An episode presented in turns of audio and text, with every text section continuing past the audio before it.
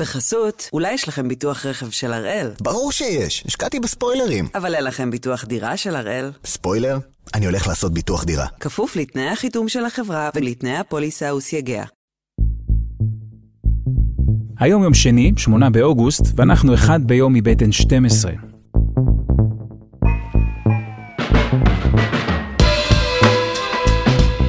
גדעון נוקו, ואנחנו כאן כדי להבין טוב יותר מה קורה סביבנו. סיפור אחד ביום, כל יום.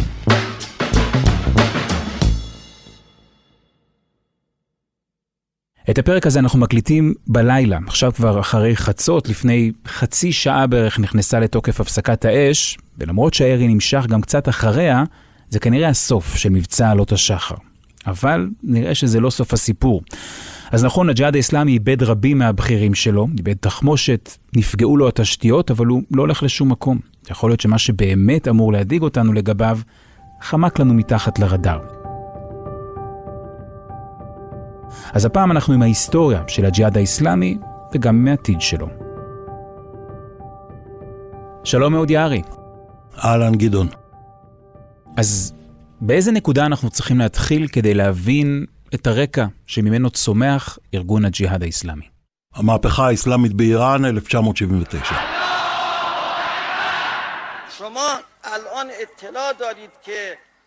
שמה קורה אז? כתוצאה מהמפץ הזה, חלקים מהנוער של תנועת האחים המוסלמים עושים אה, חישוב דרך מחדש. אמרו, רגע אחד, אנחנו צריכים לא רק אה, לקיים איזה דיאלוג, איזה שיח עם המהפכה האסלאמית השיעית, אנחנו צריכים לחבור אליה, להצטרף אליה. לא חשוב שאנחנו סונים, כולנו מוסלמים. זו הגישה. וזה קורה בהתחלה באוניברסיטאות של אה, קהיר.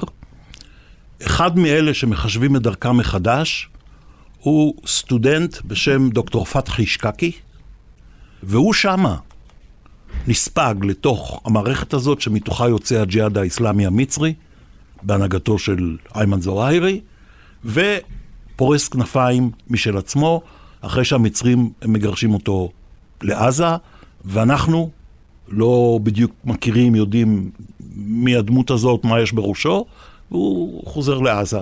והוא המייסד של uh, תנועת הג'יהאד האיסלאמי הפלסטיני. Uh, גם הוא וגם uh, שייח' עבד אל-עזיז עודה, דרשן, יותר סוג של אידיאולוג, הם בעצם המקימים של uh, תנועת הג'יהאד האיסלאמי הפלסטיני. אמרת ג'יהאד איסלאמי פלסטיני, כי יש גם ג'יהאד לא פלסטיני?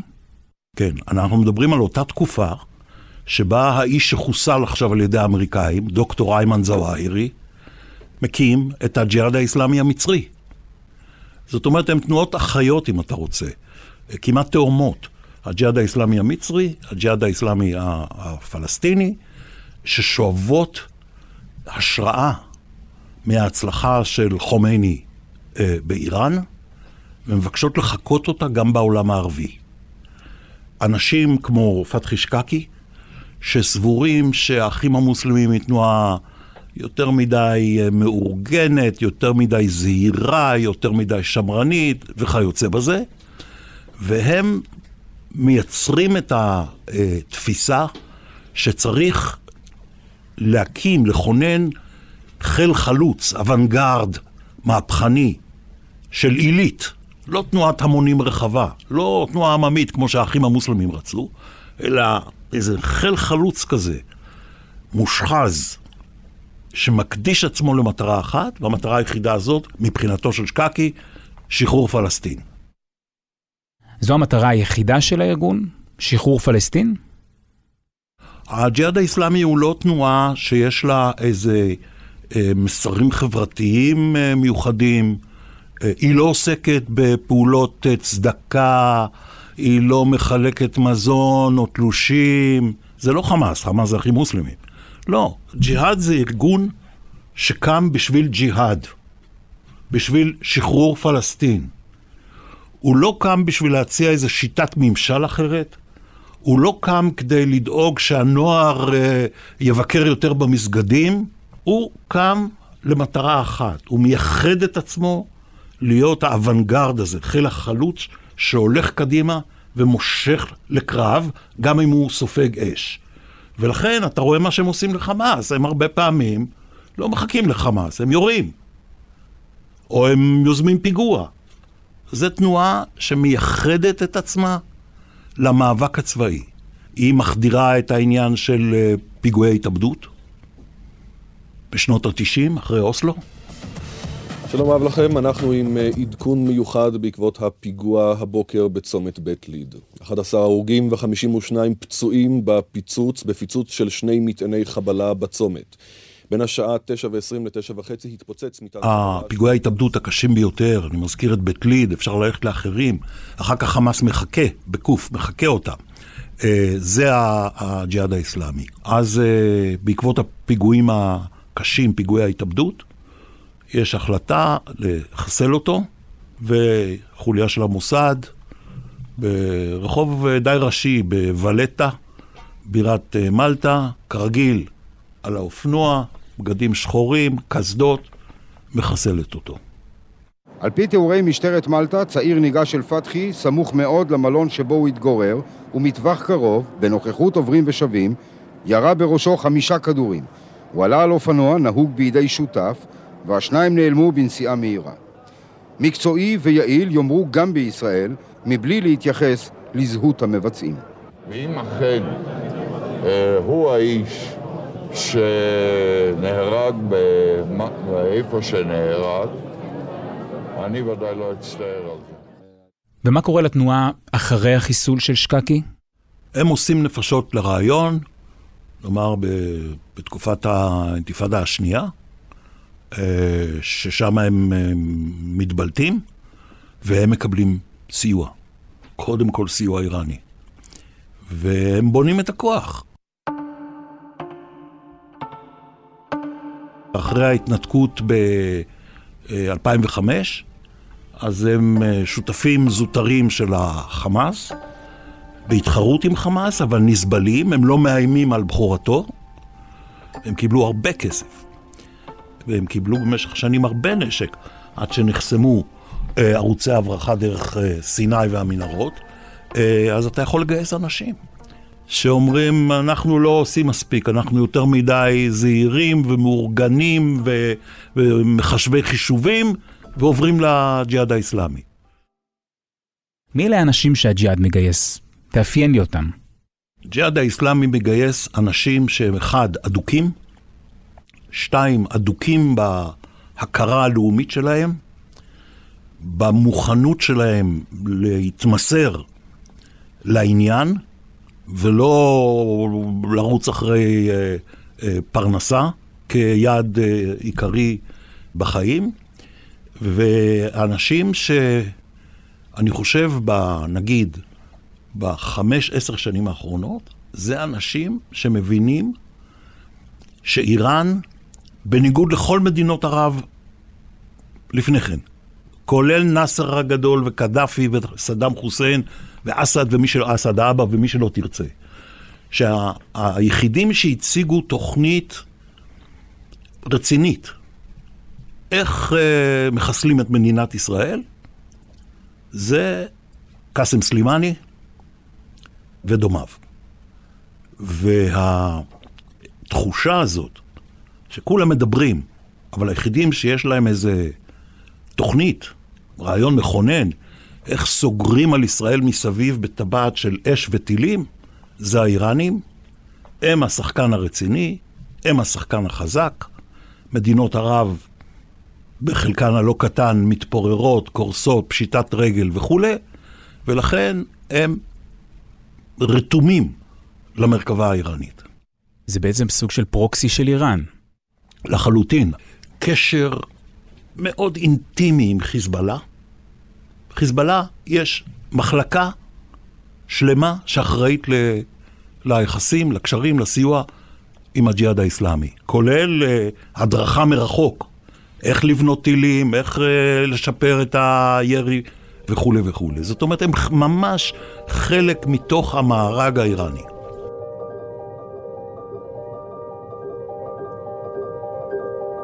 לחסות אחת, וממש מיד חוזרים.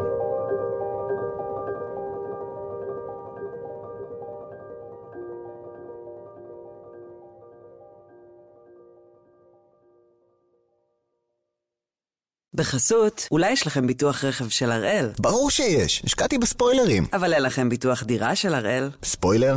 אני הולך לעשות ביטוח דירה. כפוף לתנאי החיתום של החברה ולתנאי הפוליסה וסייגיה.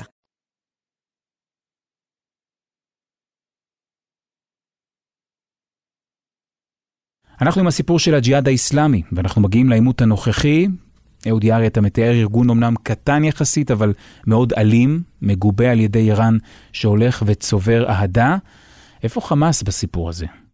אני חושב שחמאס אין לו עניין, בטווח נראה לעין, בהתכתשות עם ישראל. לשם מה? במה ההתכתשות כזאת תשנה או תשפר את מצבו? הם לא רואים את זה. אז לכן כרגע הם לא רוצים. הם לא ייתנו לאדונים מהג'יהאד האיסלאמי להכתיב להם מתי uh, להיכנס למערכה. זה הם הבהירו. תשמע, זה היה מדהים, גדעון. אתה מסתכל על uh, טלוויזיה של חמאס. כאילו המלחמה, הלחימה עכשיו התנהלה במקום אחר. הם לא, כאילו, הם, uh, הם מתבוננים מהצד. הם CNN. הם לא היו מעורבים, ירו עלינו, פגעו, ירינו, לא. הם דיווחו בצורה רגועה, לא נכנסו לאיזה זה, לא פתחו אולפנים כמו אצלנו. ג'יהאד כן. התחנת טלוויזיה של הג'יהאד כן. הם כל הזמן אותתו לאוכלוסייה וגם לנו. אנחנו לא בעניין. זה מהרגע הראשון, מההודעות הראשונות, זה היה ברור שחמאס בכיוון אחר. אני חושב שבישראל מזהים יפה. מערכת הביטחון. מזהים יפה שהחמאס כרגע רוצה קודם כל שיפור במצב האוכלוסייה, זה אחד, כי זה בעיה. זו בעיה מבחינתו. הוא לא פופולרי אה, בעזה, בגדה יותר. ושתיים, הם מחפשים איזשהו קונץ פטנט. לחזור ולהתחבב או להתקבל על ידי המדינות הערביות, קודם כל סעודיה והאמירויות. הם, הם מאוד היו רוצים את זה. אז חמאס מעדיף לא להיכנס לעימות עם ישראל, אין לו כרגע אינטרס, הוא כבר למוד קרבות. ומה לגבי הג'יהאד? אמרת שזה ארגון שכל התפיסה שלו היא צבאית, להשמיד את ישראל. כמה המבצע הזה פגע בו? אני מניח שזה יפגע בארגון באופן משמעותי לאורך זמן, מכיוון שאין להם מקורות אספקה. זה הכל אה, בתי מלאכה ייצור עצמי. מרכיבים רקטות. אבל הם השתקמו והאיראנים יעזרו ככל שהם אה, יוכלו וככל שיוכלו להגיע וזה. מה שצריך אבל לזכור, הקרב העיקרי, עזה כבודה במקומה וסכנתה במקומה. אבל הקרב העיקרי הוא בגדה. הקרב העיקרי הוא בגדה. חמאס לא מצליח לחדש את הרשתות המחתרתיות שלו בגדה, לא באופן uh, משמעותי, אז הוא בונה כוח פוליטי, משתלט על, uh, על איגודים, משתלט על uh, התאחדויות הסטודנטים, כל מיני מוסדות אזרחיים, הוא משתלט עליהם. וגם הג'יהאד האיסלאמי מבין שהעניין הוא בסופו של דבר אגדה, בבוקר שאחרי אבו מאזן או בערב שלפני. ובג'יהאד יש פה דבר מעניין. ג'יהאד תמיד היה נגד השתתפות בבחירות הפל... הפלסטיניות. חמאס רץ, ניצח, ג'יהאד לא. לא מעניין אותנו. איפה הם רצים? בבחירות, ועושים תוצאות לא רעות? בבחירות לאיגודי הסטודנטים. סטודנטים זה נוער שהם רוצים. בעיקר חבר'ה שלומדים פיזיקה וכימיה. אתה רואה אותם בביר זית, אתה רואה אותם בנג'אח, אתה רואה אותם בא, באוניברסיטאות, שם הם רצים, בגלוי. זה כן, אבל בחירות פוליטיות, משהו, פרלמנט פלסטיני, דברים כאלה, זה לא מעניין אותם. זאת אומרת, הסיפור הגדול פה הוא התחזקות של הג'יהאד בגדה, האהדה שהם ממשיכים לצבור שם? הסיפור הגדול, שקצת מזניחים אותו, הוא ההיערכות שכולם עושים לגבי עתידה של הגדה המערבית. פתח היום קיים אה, בעצם רק בזכות מערכת הפטרונות שנקראת הרשות הפלסטינית, שנותנת ג'ובים ומחלקת משרות וזה. כמה זמן זה עוד יכול להימשך ככה? וכל אדם בגדה יודע את הדברים האלה. אתה לא יכול לשמוע היום מילה טובה על הרשות הפלסטינית מאף בן אדם בגדה. אני מדבר הרבה, רואה הרבה אנשים. אתה לא יכול לשמוע מישהו שיגיד מילה טובה. ופה יש התפתחות שלדעתי לא נותנים עליה מספיק את הדעת בתקשורת. אנחנו רואים את המיליציות של האיראנים נפרסות על הגבול בין סוריה וירדן, מבריחות בכמויות ענק, סמים בכמויות ענקיות, ועם סמים גם נשק, הרבה. זה מטריד את המלך עבדאללה, בצדק, אבל אנחנו צריכים לקחת בחשבון, אם הם מצליחים להחדיר כמויות של נשק לירדן, חלק מזה ינסה להגיע לגדה. וזה מצב אחר אם בגדה אנשים מסתובבים עם, אה, אתה יודע, התת מקלעים המאולתרים קר לו, או שמגיעים אה, טילי נ"ט. זה כבר סיפור אחר. אז לכן כולם, גם סינואר, גם הג'יהאד האיסלאמי, גם האיראנים, גם חיזבאללה, אינם על הגדה. אנחנו צריכים להבין, כולם ערוכים לא לסבב הבא בעזה, כולם נערכים לרגע שבו תתחיל ההתמודדות האמיתית, לא מה שקורה עכשיו, על השליטה בגדה המערבית או בחלקים ממנה. אה, אנחנו כבר היום רואים אובדן שליטה של מנגנוני הביטחון של הרשות הפלסטינית בחלקים לא קטנים של הגדה. לא רק אה, מחנות פליטים ג'נין, אה, שכם, גם חברון. והאם הרשות הפלסטינית יכולה להמשיך לדדות על הקביים לאורך זמן? אני לא יודע. זו הדאגה. תודה רבה, אהוד. בשמחה רבה, גדעון.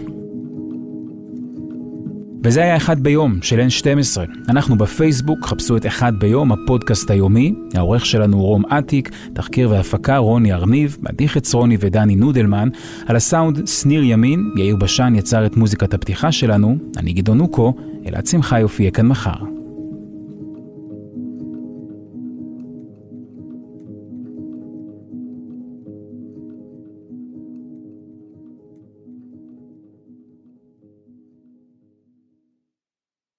בחסות, אולי יש לכם ביטוח רכב של הראל? ברור שיש, השקעתי בספוילרים. אבל אין לכם ביטוח דירה של הראל? ספוילר? אני הולך לעשות ביטוח דירה. כפוף לתנאי החיתום של החברה ולתנאי הפוליסה וסייגיה.